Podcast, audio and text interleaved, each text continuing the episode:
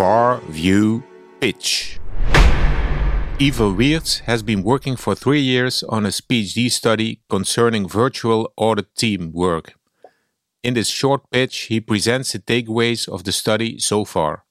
There's basically four takeaways that you can take away from our research. And the first one that concerning virtual teamwork, it's not all bad or good.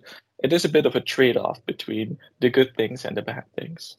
And although we've been concerned about the impact of virtual teamwork for quite a while now, I think it's it is it is important to realize that if if you do this right, if you treat it well, and if you implement virtual teamwork properly, there are more benefits to be gained than that there are risks of it. Um, so I would say this is a this is a situation we can leverage first of all.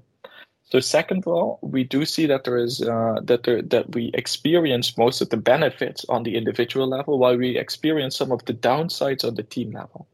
Um, it is nicer to work from home for work-private balance, and that makes people, you know, uh, uh, feel good about their job basically, and, and keeps engagement high.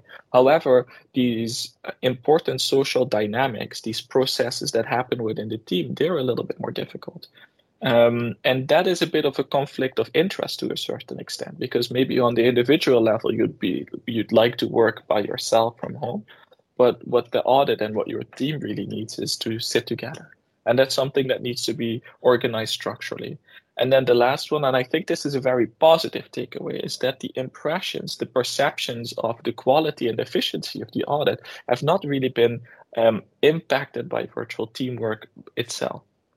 And that comes back basically to my first statement. So this once again shows that virtual teamwork is a very powerful tool to make the life of the of the auditor better basically and that we're not compromising on quality or on efficiency so we're keeping the viability of the profession high but we could actually make it even better by increasing certain certain facets that people are struggling with like you know the the private between work and and, and the balance between uh, work and private so those are the main takeaways from from my research up to now.